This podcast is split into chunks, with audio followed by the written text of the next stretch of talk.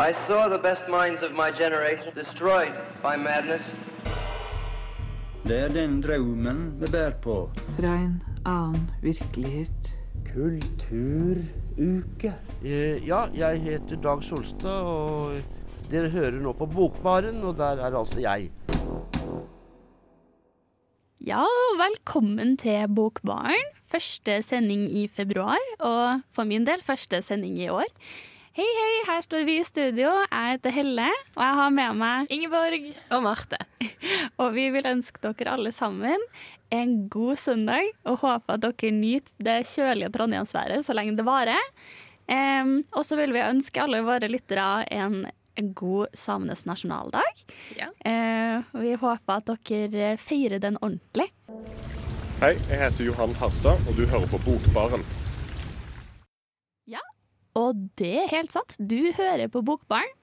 Eh, og i dag så skal vi altså eh, feire februar som måned. Eh, for det er jo ikke alle som er helt klar over hva som feires i februar, men i USA i hvert fall så er det da Black History Month. Og vi har da valgt i dag å ta for oss en eh, klassisk roman skrevet av en afroamerikansk forfatter om sånne forhold, som heter da The Color Purple. Ingeborg, vil du fortelle oss litt om den boka? Ja, det skal jeg gjøre. Eh, vi feirer jo en ting til i februar også. 27. februar, folkens! Da blir jeg 26 år. Um, men Black History Month er hakket viktigere. Uh, ja, jeg tenkte jeg skulle gi en uh, kort synopsis av uh, boka. Den kategoriseres som en brevroman, og hele best boka består egentlig av en sånn brevform, hvor hovedpersonen skriver brev først til Gud, og deretter til søstera si. Eh, og boka er utgitt i eh, 1982, og den har solgt i over fem millioner eksemplarer. Så som Helle sier, så er det virkelig blitt en klassiker da, innenfor afroamerikansk litteratur. Mm. I boka så møter vi hovedkarakteren Seeley. Og hun vokser opp i eh, Georgia på 1900-tallet. Ganske vanskelig familieforhold. Uh, hun bor i et uh, voldelig hjem. Først er det uh, moren som blir misbrukt av det de tror er faren. Og etter hvert så er det da Sili selv som blir både banka og voldtatt av sin egen far, og får da to barn som hun tvinges til å gi opp. Og etter hvert så giftes da Sili bort til en som de kaller for Mister. Og det er flere som heter Mister i boka, det er bare en sånn betegnelse. Um, og Mister han vil egentlig ikke ha Silje, han vil ha søstera Nettie, som er mye penere og flinkere enn henne. Um, i, ifølge boka, altså, ikke, ikke ifølge meg. um, men det blir altså Silje, og hun kommer egentlig inn i akkurat de samme familieforholdene som hun gjorde når hun bodde hjemme hos seg selv, bare at nå er hun kona da, i stedet for dat dattera. Og hun blir tvunget til å oppdra barna til eh, denne Mister, og de er ikke veldig snille, og han er også veldig eh, voldelig overfor henne. Men eh, hun eh, slutter etter hvert å få muligheten til å få barn, og det ser hun på egentlig som hun vil jo gjerne, hun er veldig glad i de barna hun har fått, men har ikke noe kontakt med de, og samtidig så ser hun på det som en litt positiv ting, fordi at nå slipper det å bli et resultat av alle de voldtektene hun faktisk gjennomgår. da. Eh, og eh, Silje tror at søstera Nettie er død, for eh, Mister, som da er mannen, holder det her skjult for henne ved å gjemme alle brevene som søstera da skriver til Seeley. Eh, og så kommer det inn en sånn herre hva skal jeg si, fem fatal, en veldig viktig figur som heter Shug Avery. Shug Avery. Oh yeah. Og Seeley får se et bilde av den Shug og blir helt fascinert av henne. Og eh, gjør henne til en sånn derre utopisk karakter, nærmest. Og får endelig da møte Shug når hun flytter inn hos Mister og Seeley, for hun er syk. Og de får et veldig sterkt forhold. Først som venner, og etter hvert så blir det da et romantisk forhold. Og eh, Seeley klarer faktisk å flytte ut og kjempe kampen mot på en måte eh, mannsdominasjon og det voldsherja hjemmet hun kommer fra, og flytter inn med Shug.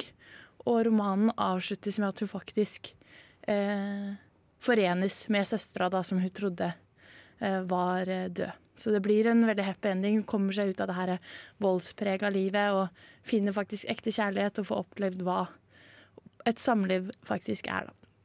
Ja, det er veldig sant. Det er jo en veldig sterk bok um, på mange måter. eh, den eh, viderefører, eller forklarer oss, man viderefører både seksuell vold og eh, raserelasjonsvold og alt mulig sånt. Det er jo øh, det, altså, det her er andre gangen min hvor jeg leste den boka, og jeg måtte ha en annen bok å veksle med, sånn at jeg fikk slappa litt av imellom, selv om at den er på en måte veldig kort og enkel i måten den forklarer ting på. Så er det på en måte såpass tøft lesemateriale. Veldig eksplisitt ordbruk. Det ikke noe, ligger ikke noe mellom linjene der. Nei, nei, nei. Hun er rett på sak, altså. Hei, det er Tove Nilsen som har skrevet roman fra Nedre Singsaker, Singsakerbakken, og som endelig nå får være i Trondheim igjen i Bokbarn. Ja, da er vi i Bokbarn, og vi har hørt eh, Flower Love med I Love This Song. Men eh, nå så snakker vi om eh, The Color Purple. Stemmer. Og jeg tenkte kanskje jeg kunne si litt mer om forfatteren, Alice Walker. Eh, for eh, det er flere likhetstrekk med eh, forfatterens liv og det som skildres i boka. Vi hadde jo en liten synopsis i stad. Men Alice Walker er faktisk også fra Georgia. Samme som hovedkarakteren Seeley i boka. Å, det visste jeg ikke. Og har vokst opp i en stor familie. Ehm, jeg tror det var åtte søsken. Åh, Ja. Eller, altså, at eh, hun hadde sju søsken, og vi var åtte barn. Oh. Og født i 1944. Eh, og ja, hun er jo forfatter, men hun er, også poet, da, hvis man skal gjøre et skille der. Hun skriver poesi, ikke bare eh, romaner. Og så er hun også kjent for å være en politisk aktivist. Hun skrev bl.a. et åpent brev til Barack Obama i 2008.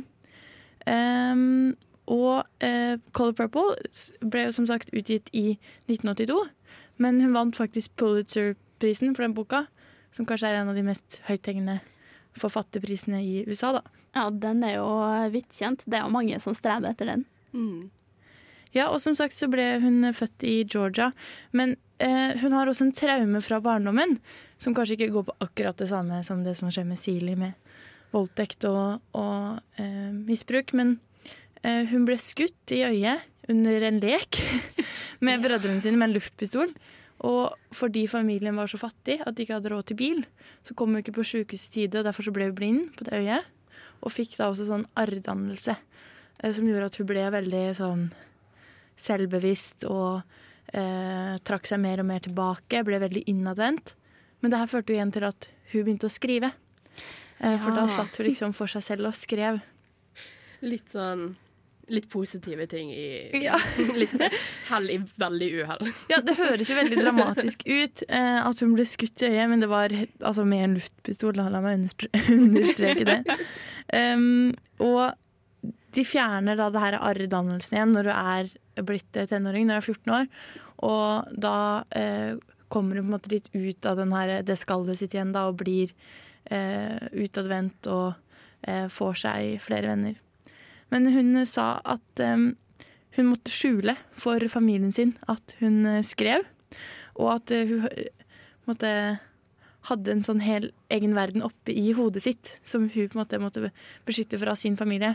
For hun måtte jobbe elleve timer om dagen for å på en måte supporte familien. Oi. Så det var ikke så mye tid til å sitte og skrive dikt, akkurat. Ja, hva hun jobba med, vet du det? Um, jeg tror de var altså jobba som bønder. bønder. Ja, ok. Mm.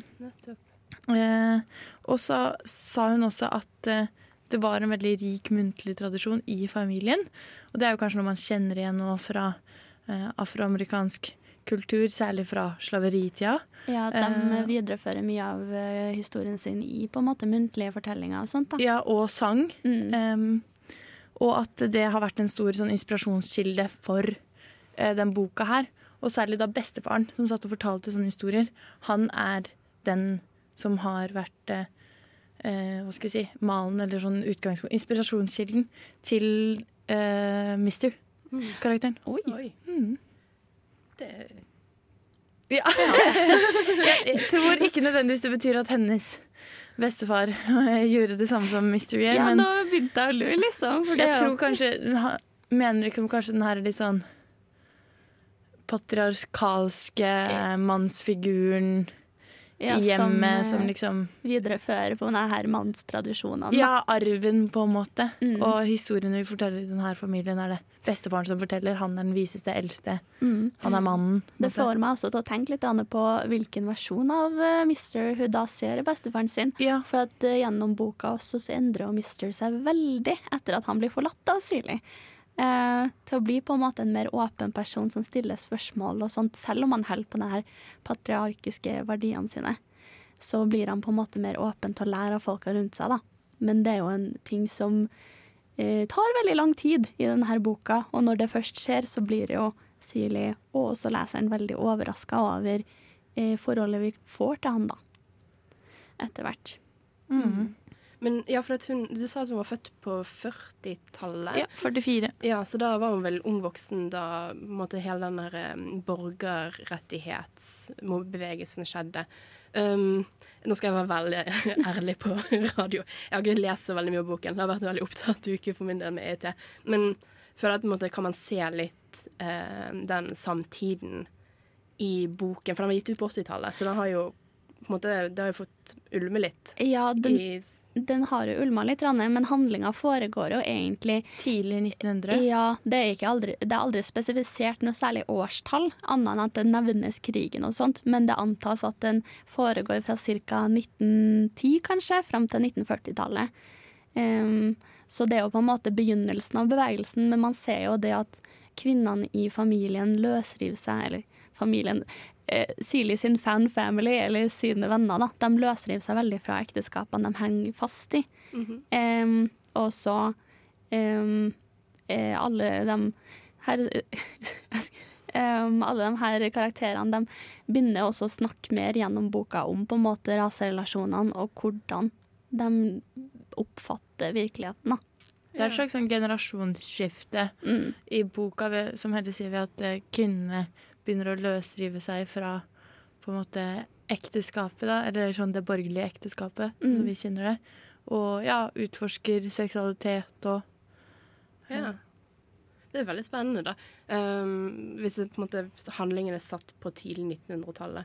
Ja, det er jo midt i Grim, Jim Crow-æraen, og når at du er i Georgia, så er du også veldig langt sør, em, i sørstatene, og det er på en måte Det tas jo veldig opp i tematikken på en måte hvordan eh, de hvite undertrykker de her personene. da. Det er vi en karakter som ender opp i fengsel bare fordi at hun sier nei til en hvit person. Oi. Eh, ja. Ja. Det Eh, hun, eh, det her er en veldig sånn sterk og fri karakter fra før av. Sofia Sofia heter hun. Mm. Og hun gifter seg da med mm, et av disse stebarna til Sili, hovedkarakteren. Mm. Og blir spurt om å være Og hun er liksom kjent for å være liksom. Og når ektemannen prøver å banke henne, så banker han bare opp fordi hun er mye sterkere. så hun er veldig sånn eh, fri da og egen. Og så blir hun spurt om å være tjenestepike for borgermesterens hvite kone. Og da sier, svarer hun bare 'hell no'. Det er Og så ender det vel med at hun drar til borgermesterens kone òg, hvis jeg ikke husker helt. Nei, det er da, borgermesteren han blir ikke så fornøyd med det her, for han er jo til stede han også. Så han rett og slett eh, slår til hun da, Eh, og hun tar seg ikke i å bli slått til, så hun dasker jo han rett tilbake. Ja, sånn er det. Mm. Men, Så hun slo til den hvite borgermesteren der? Ja da, det gjør hun, Oi. vet du. Det kan ikke ha gått bra. Eh, Nei, tolv år i- fengsel egentlig. Men så ble det da eh, fire-fem år i fengsel, og så fikk hun komme og jobbe som tjenestepike. da. Ja. Oh, men så heldig. Ja, så heldig. Det det var godt måte, for hennes del, da. Ja, det er jo hennes frigjøring, da. Det de jobber mest for at hun skal få lov til å på en måte i det minste komme seg ut av fengselet, da. Ja. Men det er jo en sånn tematikk som ligger i bakgrunnen av boka, da, det her med rase. Og Walker selv gifta, var jo afroamerikaner og gifta seg med en eh, eh, hvit mann, en jøde. Og de var flytta til Tennessee. Og eh, det ble mye oppstyr rundt deres ekteskap i Tennessee, fordi de var det første mixed race marriage, eller ekteskapet, da, i Tennessee. Og eh, ble faktisk eh, eh, sånn, hva heter det? Terrorisert, holdt jeg på å si. Forfulgt, av, av Ku Klux Klan i Tennessee. ja. Og fikk da en, en datter sammen. Neimen. Herlighet. Det er jo veldig mye å ta tak i med de her uh, Altså, det her raseforholdene også i Tennessee, de er jo fortsatt eh, Ja, nei, jeg bare um, lurer litt på det. Jeg snakka litt om hun eh, Sofia var det som ble Mm. Uh. Får man på en måte Blir man introdusert litt til liksom, rettssystemet der? For det er på Nei. måte eneste Ingenting? Ingenting. Nei, for jeg husker litt sånn Jeg leste To Kill a Mockingbird, og da er jo en veldig stor del av den boken er jo dette, denne rettssaken rundt um, han mannen som er anklaget for voldtekt. Ja. Nei, det er vel en eh, Ikke en svakhet, men en, en annerledes ting med The Color Purple. Det er vel at du ikke på en måte merker så masse til på en måte så mye forskjellig sånn store ting som skjer i livet. Det det eneste som nevnes, er jo at uh, det er greit å kjenne noen som sitter Ja. på Fordi blant annet så er det en som er inn og ut av fengsel, Mm. og så sier de at han hadde blitt hengt med mindre bestefaren hans var god venn med. Og det her, at de får Sofia til å bli sånn tjenestepikk i stedet for å sitte i fengsel, er også fordi Ja. Eh, borgermesteren er onkelen til en. Altså, ja. Mm. Så det er det eneste som måtte nevnes om Så det er litt rettssystemet. med, ja, så det blir sånn diskré sånn eh, kritikk av systemet, mer på Ja, måte ja. menneskelige relasjoner. Bok. Ja, det er ikke på en måte 'sånn her kan det skje', det er 'sånn her er det'. Ja, nettopp. Ja. Veldig spennende. Ja. Vi skal gå mer inn på det her eh, etterpå. Bla om til neste side når du hører denne lyden. Eller skru på radioen din og sett på Bokbarn, da. God lytt. Og nå er vi her i Bokbaren, og vi snakker om The Color Purple av Alice Walker i dag. Eh, og nå har vi jo snakka litt om sånn boka generelt, men jeg vil egentlig høre hva dere syns, førstegangslesere. Ja. Um, jeg syns det var en um, Jeg hørte den på lydbok, det skal sies. eh, og på norsk, faktisk. Eh, så jeg har sikkert hatt en litt annen opplevelse enn å lese den på originalspråket og også lese den da, framfor å høre den. Men um, jeg eh, likte det veldig godt. Jeg syntes det var spennende. Ja. Man ble investert i eh, særlig hovedkarakteren, da, Silje, sin kamp. Og det har jo Jeg tror kanskje det oppleves veldig annerledes for oss som leser den 40 år på en måte etter den kom ut, uh, enn de som leste den i 1982. Fordi man hadde selvfølgelig, som vi har vært inne på, begynt å snakke litt mer om en sånn her politisk bevegelse. Men i dag så er det på en måte veldig enda mer fjernt for oss, da, på, og enda mer urettferdig, den måten hun lever på. Eh, og da tenker jeg på den forutsetningen jeg kan sette meg inn i, da. Som, altså sånn, som altså ikke afroamerikaner, så er det på en måte det her manns... Eh, altså ekteskapsforholdet jeg føler jeg virkelig, kan, på en måte, kan sette meg inn i. Altså, sånn, det blir feil av meg å på en måte begynne å eh, si noe om raseforutsetninger. Ja. Men det, det oppleves liksom så urettferdig og veldig liksom provoserende. Kanskje enda mer provoserende enn for de leserne som leste i 1982. Um, så det er noe av det som på en måte driver handlinga litt videre for meg. da Man faktisk liksom blir veldig sånn sint, egentlig, på deler av boka. Ja, man, jeg også ble veldig provosert av ganske mye av den boka. Og veldig trist. Mm. For mye av det som står i den, er jo på en måte triste saker, da. Eh, jeg vet ikke om du har noen opplevelse av denne boka, Marte? Uh, nei, jeg outet jo meg selv litt tidligere her og så sa at jeg har ikke fått eh, lest så mye. Men det er jo veldig interessant Altså det lille jeg har fått med meg, så er det veldig interessant da denne Du har både problematikken rundt eh, rase og etnisitet, men også dette med ekteskap og vold og patriarkatet, da. Ja. I boken. Og det er veldig interessant, da, for da får du på en måte Jeg, tenker Vi kommer sikkert til å komme mer tilbake til det i løpet av sendingen, men uh, du får et litt mer interseksjonalt bilde på uh, hvordan disse forskjellige måte, merkelappene Henger alle sammen, mennesker ja. har, henger sammen. Ja. Ja. Hvordan de påvirker. Ja, det er jo en ting som jeg legger merke til veldig godt når jeg leser denne boka, det at det er en bok som ikke er skrevet for oss hvite lesere. Og det er sunt, syns jeg i hvert fall, Mm. å lese noe som ikke engang er skrevet for meg. For å få inn et inntrykk av noe som jeg ikke har opplevd før, da. Ja, og det var noe jeg tenkte over. Altså, jeg hørte jo som sagt på lydbok på norsk, men der også hadde innleserne veldig sånn eh, slang i språket. Og så spurte jeg Helle når jeg kom i dag, da, om det også er sånn i den skrevede versjonen. Og da sa jo du at det er et helt måte, bevisst språk der. Ja, det er det, vet du. Um, jeg må si at På engelske lydboka så er det jo Alice Walker selv som leser boka. Eh, og det blir jo på en måte enda mer innlevelse. Men hele boka er jo skrevet på African American Vernacular English, altså AAVE. em, som er en sosiolekt eller etnolekt eh, av engelsk som brukes da av afroamerikanere. Så det merkes jo mye i språket at det er ikke simpelt, men i begynnelsen i hvert fall så er det mye enklere enn man skulle tro, men også annerledes. Det er mye staving som ikke gir helt mening. Eh, og det er jo fordi at det er skrevet, ifølge Alice, da, direkte av Sili. Eh, hun som skriver ned sine egne bønner og sånt. da. Sånn at ord som children, for eksempel, det skrives children. Eh, og det er ikke noe sånn særlig verbøying og sånt. Eh, så det er sånn he killed her, eller sånne ting. Ja, og det gjør det jo på en måte veldig sånn autentisk å lese, at man kanskje blir enda mer investert. Og hvis, som Alice tydeligvis har sagt, at det her skal være Silis skrift, så kommer det jo fram gjennom boka at hun er fra en veldig fattig familie og ikke har hatt noe særlig skolegang. Hun blir jo tatt ut av skolen som 14-åring fordi hun blir gravid. Ja, hun ble gravid. Eh, og hun skriver eller det står jo i boka at læreren på en måte kom og ville ha Silje tilbake til skolen frem til hun så at hun var gravid, og da var det på en måte slutt. Da fikk ikke Silje komme tilbake i det hele tatt. Men lillesøstera hennes Nettie er jo veldig skoleflink og prøver på en måte å lære henne mye og sånt. Og det merkes jo eh, i en seksjon inni boka her hvor at vi da finner Nettie sine brev, eh, at Nettie har en annen utdanning og har fått fortsette å lære også etter at hun rømte hjemmefra. Eh, hvor brevene hennes er på en måte skrevet på en ordentlig engelsk og eh, er på en måte mye mer reflektert på en annen måte.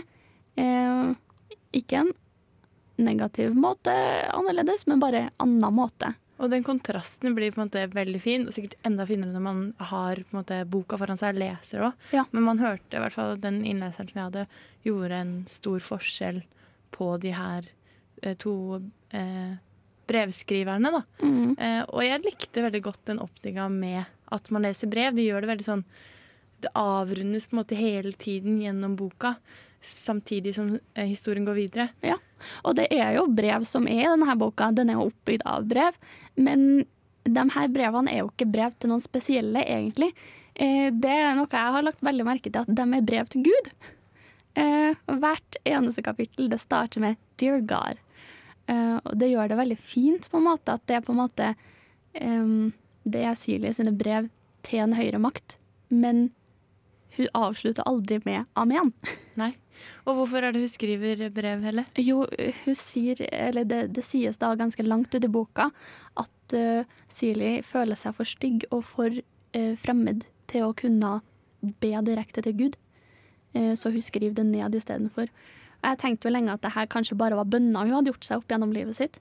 Men eh, det, når det viser seg at det på en måte det, det, når hun har satt seg ned og endelig på en måte skrevet, det gjør det på en måte enda tyngre. Um, veldig trist. Ja, det er på en måte hennes måte å reflektere. Og jeg tenker egentlig at det er en veldig viktig eh, ting hun gjør for å håndtere alle traumene hun har vært gjennom. mm, Og kanskje det er eh, noe som Alice Walker òg har kjent på, da. At eh, på en måte krafta i det å kunne skrive. ja. Og det sies jo, nevnes jo litt senere i romanen at søstera mm, blir jo misjonær og flytter til Afrika og skriver brev på vegne av de stammene her nede. Og da snakker hun om hvor viktig tekst er, og hvor viktig det er å faktisk eh, kunne å skrive. Ja, og det er jo veldig nydelig skrevet, egentlig. Eh, vi kommer nok tilbake til det.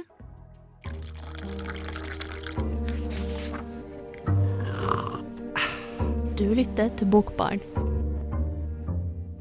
Ja, det gjør du. Eh, og vi har nettopp hørt en sang som heter Me and You av Murmur og Samkopf. Eh, og jeg tenkte egentlig at vi skulle gå rett inn i sånn religiøs diskurs her nå. Eh, hvis dere er klar for det, liksom. Håper dere har stått opp, og fått dere en kaffekopp. Er det søndag, så er det søndag. Jeg kan høre Nidarosdomen ringe i bakgrunnen her.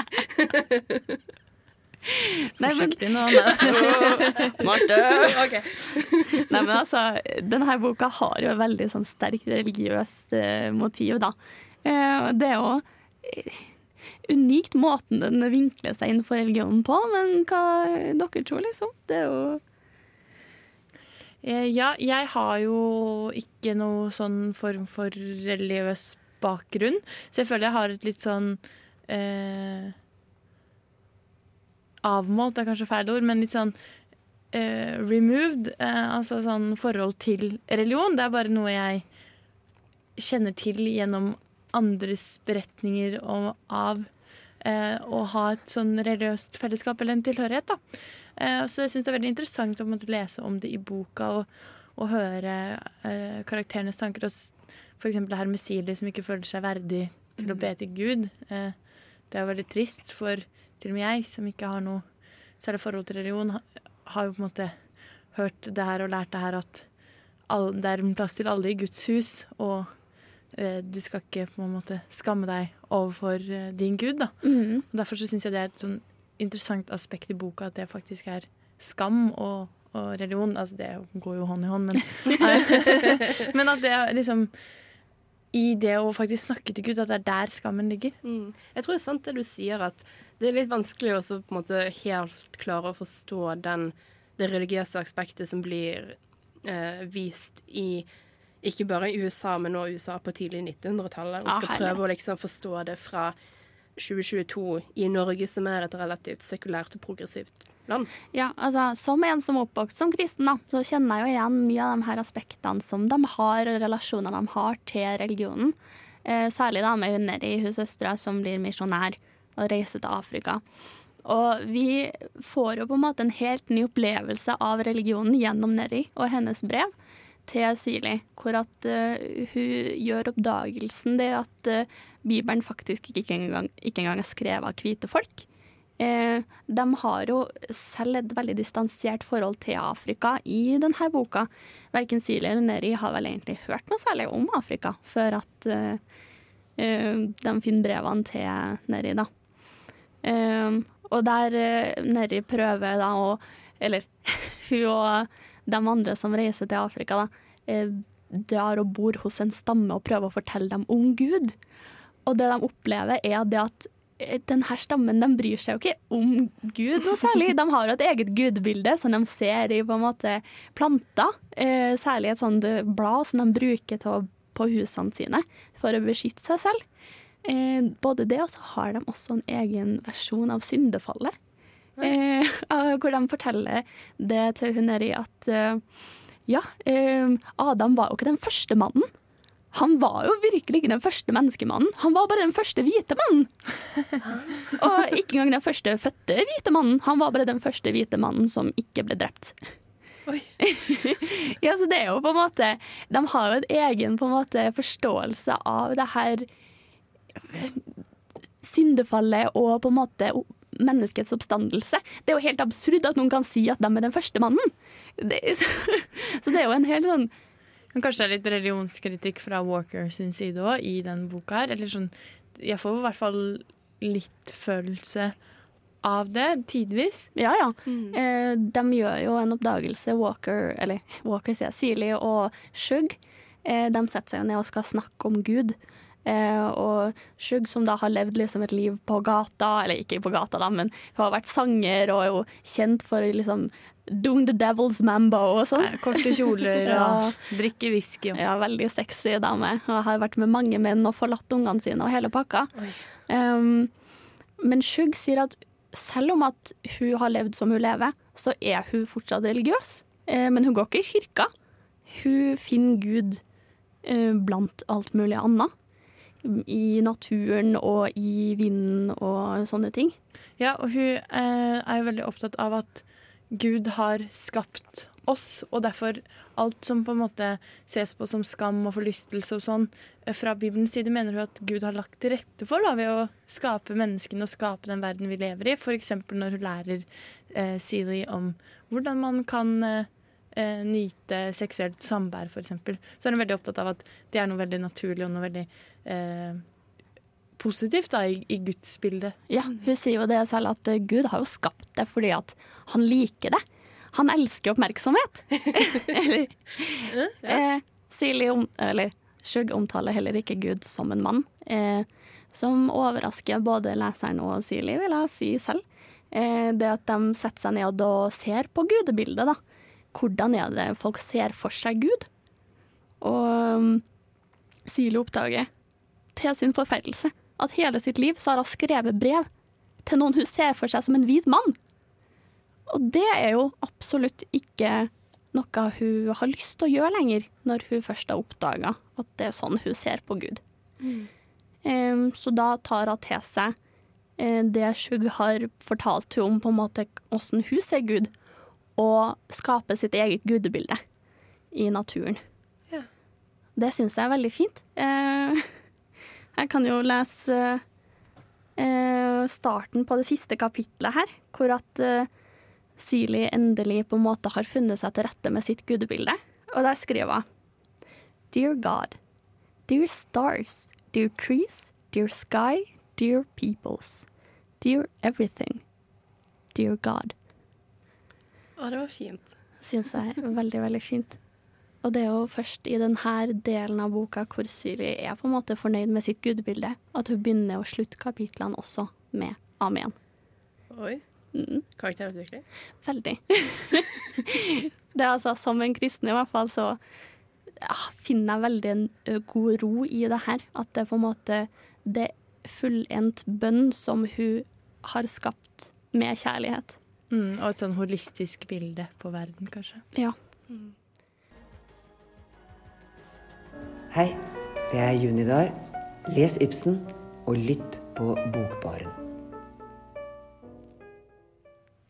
Ja, det er helt riktig, Junidar. Lytt til Bokbaren. Eh, før vi hørte eh, hun, så hørte vi 'Masquerade' av Beach House. Brannfakkel, hvorfor leser ikke Junidar inn flere lydbøker? Åh, altså den stemmen word. der. Åh, Deilig. jeg hadde hørt på så mange lydbøker hvis Junidar hadde lest opp. Sånn feministiske bøker innle- Der må vi pitche. Hvis vi, har, vi får sende en mail. Eh, hva heter det? Vi kan ha sånn underskriftskampanje. Å, ja. Make Unidar great again. OK. Uh, så rett fra underskriftskampanje så skal vi nå inn på litt uh, trasig tema her. Jeg tenkte vi skulle snakke litt om vold og voldssykluser. Uh, men før vi begynner med det, så skal jeg lese litt mer fra boka her.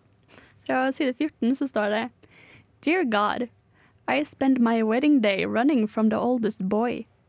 He 12. His mama died in his arms, and he don't want no, nothing but no new one. He pick up a rock and laid my head open. The blood run down, ran all down between my breasts. His daddy say, "Don't do that," but that's all he say. Det Og det her er da Sili som forteller om sin bryllupsdag. Ja. For en utrolig hyggelig bryllupsdag. I know. Jeg drømmer dagen. Ja, og eh, det her Det med vold er jo noe som går litt i arv. Eh, for her s hører vi jo at å ja, men eh, han prøvde jo å si fra han faren og Ja, han er mister. Ja, men Ja. Mister er ikke en snill fyr. Nei. Eh, det er han som Han ber jo sin sønn eh, Sønnen har egentlig et veldig fint eh, ekteskap når han gifter seg. Han gifter seg faktisk ut av kjærlighet, i Ja, motsetning til faren. Men så har han jo lært av faren at eh, en hustru hun skal eh, lytte til mannen sin. Og han kommer en dag og er litt frustrert for at du ikke hører på han. Og det faren sier, og faktisk Silje, da, som er kua av måte, forholdene sine, er ja, men bare slå hun. Ja. Og da går på en måte den eh, voldsutøvelsen, ja, Ja. i arv. Ja, det blir jo på en måte noe som går i arv, da. Som, altså, Silje har jo opplevd det her siden i hvert fall siden stefaren hennes kom på banen, det at eh, hun ble slått og sånne ting. Så det er jo ikke noe nytt for hun. Men det at hun så plaint kan fortelle at ja, jeg fikk et hull i hodet av en tolvåring, det er jo Det er jo hardt å lese om, da. Og han Harpo han eh, er jo veldig på det at eh, han vil jo faktisk ha en kone som lytter til seg. Eh, Sofia hun er jo absolutt ikke noen til å lytte. Hun, og det, de skriver det senere i boka, det at eh, Altså, Sili, tror det at eh, Sofia vil gjøre ting for Harpo, så lenge han spør. Men han vil ikke spørre, han vil banke ut og gjøre ting. Akkurat som eh, Mister da gjør med Sili. Og det her er jo en trasig hendelse. Og det er jo noe som på en måte går igjen, det her med at han Harpo har egentlig en ganske god sjel. Da. Han har ikke den her egentlig, han har ikke den volden i seg, men han sier det igjen og igjen. Ja, men det er jo sånn du gjør det med Sili. Mm. Det er jo sånn du gjør det, far. Så det er litt den her eh, Eplet faller ikke langt fra stammen. Altså, du blir som eh, de forholdene Arv og miljø, da. På en måte. Det er Mm. miljøet Mm. som har like mye å si som eh, eh, det biologiske her. Ja, og sånn, Ikke for å være megafeminist, liksom, men det burde ikke være sånn. Absolutt Jeg syns ikke det er megafeministisk, skal jeg si. Oh, For what? helt ærlig. Det sykt å melde. Men det er jo noe som også er kjent innen feministisk teori. Det at vold som videreføres, det kan ikke kun gjøres via patriarkiet. Det må, eller eh, menn, da, stort sett. Det må også videreføres gjennom kvinner, som forteller at ja, men det er sånn det skal være. Så når Harpo kommer til Silje for råd, og hun sier 'beat her', så er det liksom det eneste hun vet. Og noe hun også bærer med seg veldig dårlig samvittighet for, da. Eh, og han Harpo han liker jo ikke å banke opp si, Sofia heller. Nei, han får jo bank sjøl. Ja, han får skikkelig bank. Eh, Ja, men det er vel kanskje litt sånn her eh, Jeg er nødt til å gjennomgå det, derfor har jeg ikke noe problem med at andre må gjennomgå det, på en måte. Mm. Er litt sånn eh, Jeg vet ikke hvordan jeg skal forklare det. En veldig syk sånn rettferdighets... Det tror jeg hun sier. Hun sier jo at hun er misunnelig. Ja. Når Sofia eh, senere kommer og konfronterer, og så sier hun 'jeg hørte at du sa at uh, han bare skulle banke meg'. Mm. Hvorfor gjør du det? Du blir banka selv, du vet hvor fælt det er. Og så sier du det. 'Jeg er så misunnelig'. Og så er det noe med også at det har blitt på en måte en del av hverdagen. Hun sier jo at når hun uh, blir slått, eller når hun skal gå opp til sengs med mannen sin, så ser hun, seg selv bare for, eller ser hun for seg selv som en tømmerstokk. Mm. Uh, hun er tre, hun har ingen følelser. Og når du lever med på en måte den her fremmedgjøringa av deg selv konstant, så blir på en måte det å eh, ønske vold på andre blir kanskje ikke så ekstremt. Da. Det blir kanskje mer en normalitet. Ja, og det har jo vært tilfeller tidligere at av eh, da eh, rasisme som videreført, så er det på en måte eh, ofte mer vold, eller mer tydelig vold, i hjem som sliter. Ja. Um, også med f.eks. rasistiske um, holdninger og sånt. At det blir på en måte en makt du kan utføre overfor noen andre. Ja, og vold og makt henger jo veldig mye sammen. Altså, Veldig. hvis jeg skal være litt statsviter, så er jo sånn Makt kan jo på en veldig banal måte bli beskrevet som et monopol på vold. Og det er jo da enten da om det er eh, hvite som har den type makt over svarte, eller om det er mann som har den makten over sin egen kvinne. Ja, eller eh, også religion og makt. Mm, veldig. At det er jo en patriarkisk religion, som de følger. Og det vises jo også på en måte i både gudebildet og på en måte det at en hustru skal på en måte gjøre som ektemannen sier, da. Det står jo i Bibelen. Um, men det, han Harpo, han, han liker jo ikke å videreføre denne volden, egentlig. Og det finner man jo ut senere også. Det er ganske langt ut i boka det at han liker faktisk husarbeid. Han liker å lage mat, han liker å rydde og ordne i huset. Eh, men det er ikke noe han selv får oppdage før han er godt voksen. Fordi at uh, han da har blitt oppdratt i et hus som er veldig patriarkisk. Hvor alle har sine oppgaver. Ja. Jeg blir litt rørt av det her. Det er jo tung materie, absolutt. Ja, Veldig tung materie. Sterke ting å snakke om, ja. Mm. Hei, hei. Eh, Dette er Vigdis Hjort. Jeg liker navnet på denne radiokanalen, Radio Revolt. Hør på magasinet Bokbarn. Det å sitte på bar og lese bok, det er ikke det verste. Ja, det har du helt rett i, Vigdis Hjort. Eh, før det så hørte vi altså This Week's Laundry av Brimheim. Ja, og da har vi jo vært gjennom noen av de her sentrale, triste temaene i eh, The Color Purple. Men jeg tenkte jeg vi skulle ta for oss et litt mer oppløftende tema, som er gjennomgående, da. Og det er jo familierelasjoner.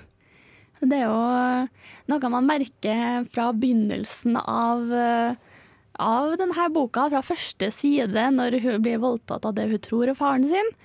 Eh, Veldig oppløftende tema. Veldig oppløftende, men det familiebegrepet det sitter jo veldig tett gjennom den hele boka her. Ikke bare med faktiske relasjoner, men også valgte relasjoner. Ja, det er jo veldig store familier, og uh, det er en eh, Familie er veldig knytta til området også. Mm. Eh, for det er jo litt eh, nevnt i boka her, f.eks. at eh, Silje og Nettie arver eh, faren sin, eller stefaren sin, sitt eh, hus. Eh, og du er på en måte bundet Altså ved å gifte deg, så er du, blir du på en måte bundet til mannen din, som er bundet til et hjem. Mm. Og det hjemmet som Seeley bor i med Mister, det er det jo ikke Mister som eier heller, det er jo faren til Mister igjen. Eh, og sønnen til eh, Mister, han Harpo og Sofia, de flytter jo også inn på den her eiendommen og etablerer seg der. Mm. Pluss at eh, det er vanlig at familien har ganske mange barn, så det er veldig store familier. Pluss at man har et sånn utvida familiebegrep ved at man tar inn f.eks. Shug Avery som en del av familien. Som er mannens, altså, mannen til Siris elskerinne. Og det er jo veldig romslig familiebegrep, da, om man kan si det på den måten. Ja, og det er jo også i Harpo sin generasjon så tar de inn en ekstra kvinne. De tar jo inn uh, Knirk, som heter min. som de kaller hun i, eh, i, på den engelske versjonen. Eh, og hun får seg en kjæreste eller en annen ektemann etter hvert og flytter bort, og så kommer han tilbake. Men Squeak tar jo faktisk vare, på barna til Sofia når hun er i fengsel. Eh, så det er jo på en måte veldig sånn Alle sammen hjelper til med å oppdra de her barna. Han Mister han har jo to barn med Hushug, hvis jeg husker riktig, eller kanskje tre.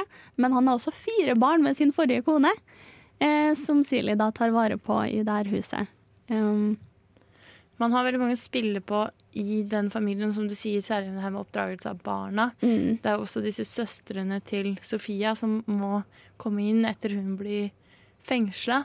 Og det er jo trøblete familierelasjoner her, med at eh, på en måte incest og det bildet på saken. Men det er også en oppløftende del, som du nevner, det her med at du har en tilhørighet, du har en gruppe som stiller opp for hverandre. Og det er veldig mye humor i samtalene mellom familiene òg. Ja, det er det. Nei, det er veldig interessant det du sier, for at um, måte, Hvis du skal på en måte snakke om hvem som har ansvar for å på en måte hjelpe til, så på en måte i sosiologien så er det ofte sånn enten så er det staten, markedet eller familien. Og i USA, ikke bare i dagtiden, men sikkert også spesielt mye på tidlig 1900-tallet, så er det veldig mye som står igjen i familien. da. På godt og vondt. På Ja. godt så er det sånn man kan ta inn nære og kjente, på en måte du får den fine, utvidede familien. Men så har du òg de litt mer negative tingene sånn som vi snakket om tidligere, med den med voldssyklusen. At når du er avhengig av familien din, så måte er det vanskelig å komme ut av alle Ja. disse sirklene. Og så er det noe med det her at det er litt raserelasjoner der også, særlig også portrettert i boka, at selv om uh, Sofia bruker mange år, bortimot tolv år av livet sitt, på å oppdra noen hvite folk sine unger, og hun yngste av de ungene der ser eh, Sofia som et familiemedlem, så ser ikke Sofia på hun som familie. Ingen av de hvite folkene som familie. Eh, hun ser kun på sine egne, og også da Squeak, for eksempel, som har oppdratt sine barn som familie. Det er jo veldig sånn interessant at selv om hun har oppdratt noen andre sine barn, så er ikke de hennes, på en måte. Ja, det blir litt sånn dine, mine Våre. Våre. Ja. Men ja, det gir jo litt mening, da. På en måte De barna er vel på en måte litt sånn symbol kanskje da på et system som undertrykker henne. da. Og Det er jo forståelig da hvis hun ikke helt føler tilhørighet til disse barna. Ja. Og så er det jo faktisk noen barn som omtales som våre der. Og det er da Silje sine barn, som eh, hun tror i starten av boka har blitt drept. Men de har altså blitt adoptert bort, begge to, til denne misjonærfamilien som Nettie reiser av gårde med. Eh, og Silje hun ser jo ganske fort at de her ungene de er mine, når hun møter hun dama, misjonærkvinna, på byen. Eh, eller på byen, i byen. Ikke på byen, Nei. under noen omstendigheter. Møter eh, misjonærdama i byen og ser med en gang at den her lille jenta som følger etter henne, det er min unge. Um, og Nettie innser også det etter hvert, eh, når hun er på en måte med denne familien, at det her er jo min søster sine barn, men hun deltar i å oppdra dem. Så da, i brevene, så blir de våre barn. Ja. Blir det liksom konflikt rundt det, da? Eller er det på en måte mer sånn vakker, glad Eh, situasjon? Det blir litt konflikt rundt det, men det er fra hun er misjonærdama, som ser at Nettie ligner veldig på de her ungene, og tror da at hennes ektemann, som er prest, har vært utro. Ja. Mm, og at eh, Nettie har kommet til det huset for å oppdra sine egne barn. Og det tror faktisk han presten også. Ikke at han har vært utro, men at det er Nettie sine barn. Det tror han. Um, frem til da mange år ute i Afrika, når hun eh, misjonærdama ligger for døden, og fortsatt er kjempesur på Nettie. For at det her Tenk om de har vært utro, og det her er deres barn, og han har løyet til meg, og du har løyet til meg, og jeg kommer til å dø ulykkelig. Men og hun på en måte vise da sine egne barn når hun ligger for døden, frem til hun endelig liksom aksepterer denne forklaringa som Nettie kommer med. Ja, for, det, ja, for hun får forklart seg hva Ja, hva hun prøver skjer. mange ganger, Ja. men det er ikke godtatt eh, ganske lenge. Og så når det først blir godtatt, så dør hun allikevel, hun misjonærdama. Og så gifter faktisk Nettie og han her presten seg, og oppdrar de her ungene videre. Ja, ja. Ja, det ble kind of happy ending, da. Ja ja, det blir det. Og det er veldig, veldig fint å høre, da. Hvem er denne karen som skrev den boka her? Ja, lytt på Bokbanen, så får du vite det, selvfølgelig. Ja, det er jo bare å lytte til Bokbarn. Vi forklarer. I dagens bok så er det Alice Walker som har skrevet. Eh, og før det så hørte vi eh, Fantastic Machine av The High Watermarks. Hvis noen lurte på det. ja, da, vi nærmer oss jo slutten av dagens sending. Men eh, før vi på en måte sier ha det bra, så har jeg egentlig veldig lyst til å snakke litt mer om de her sentrale kvinnekarakterene. Som veldig feminist person, skulle jeg til å si. For det er jo, denne boka er jo bygd på sterke kvinnekarakterer. Eller ikke engang sterke. Siri er jo ikke en sterk karakter i det hele tatt. Eller en sånn veldig Hun Blir det kanskje? Hun blir, hun lærer seg å være selvstendig.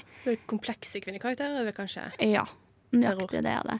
Og det er jo, vi er jo veldig vant til å på en måte høre om historiene til menn, og menn som går til krig, eller menn som gjør sånne store bragder, men det, den boka her fokuserer jo på hjemmelivet.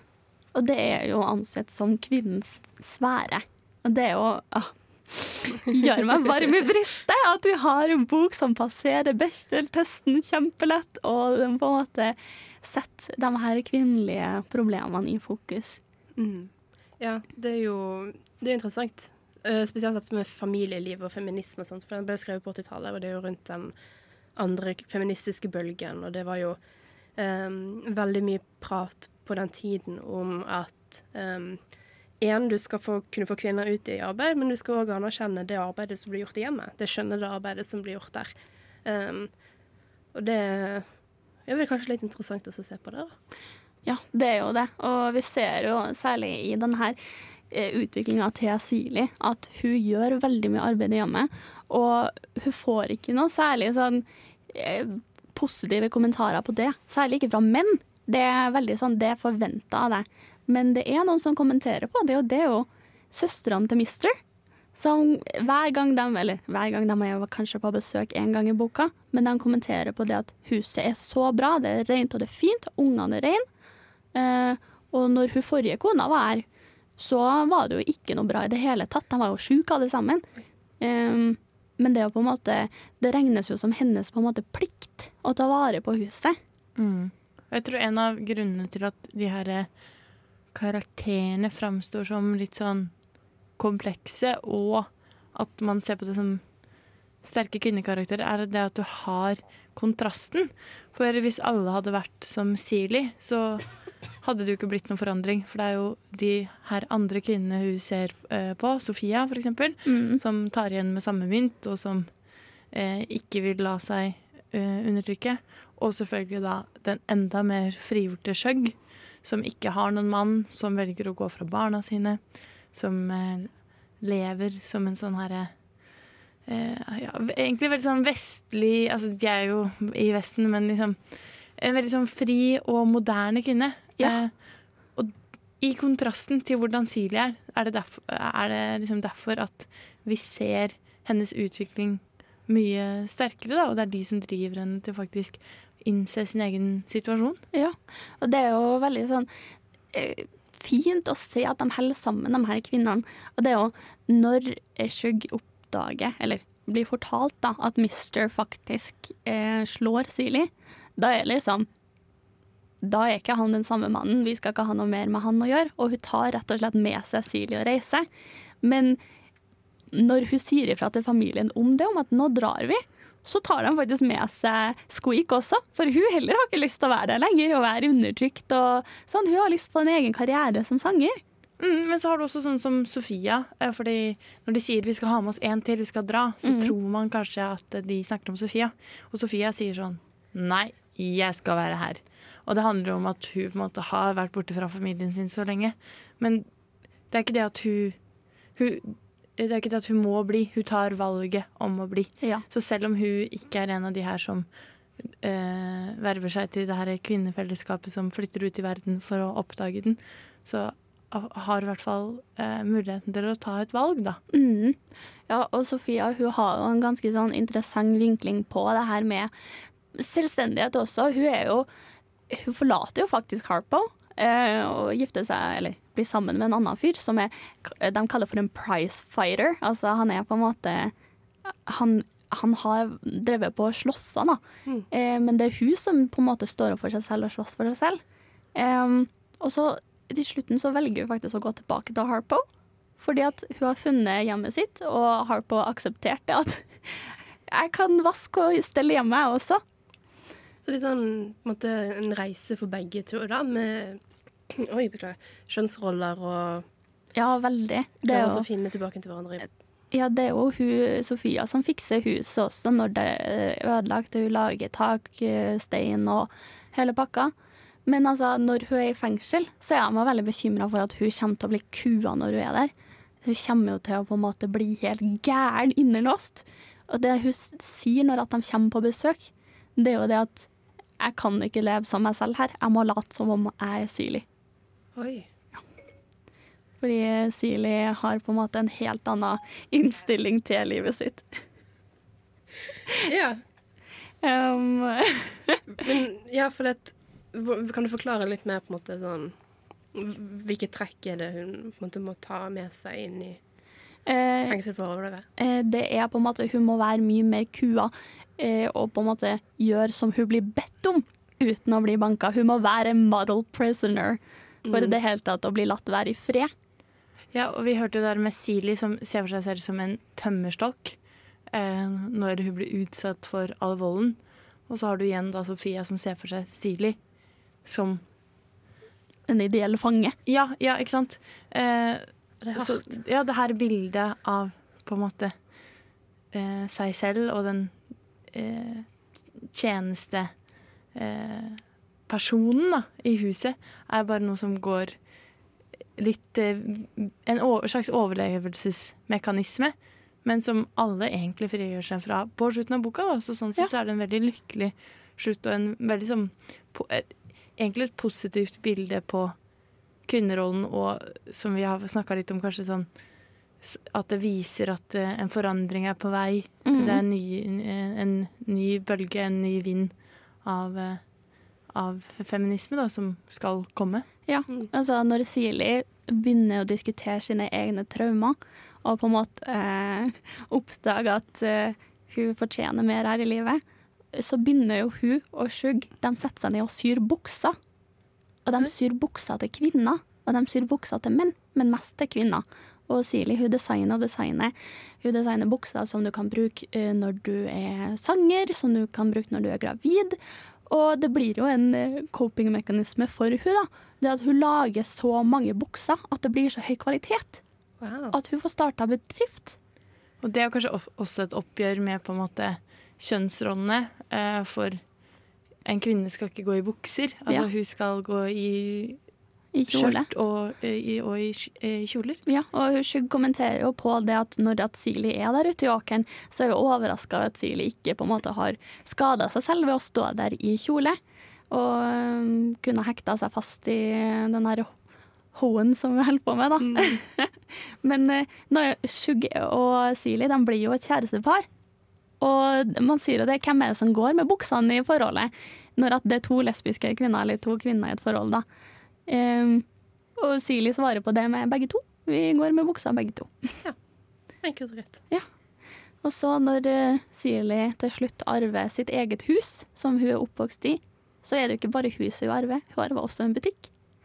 Eh, og den butikken hadde jo faren hennes starta før han døde. Og faren hennes ble Han var såpass populær med denne butikken at han faktisk ble lynsja, som vi finner ut, da.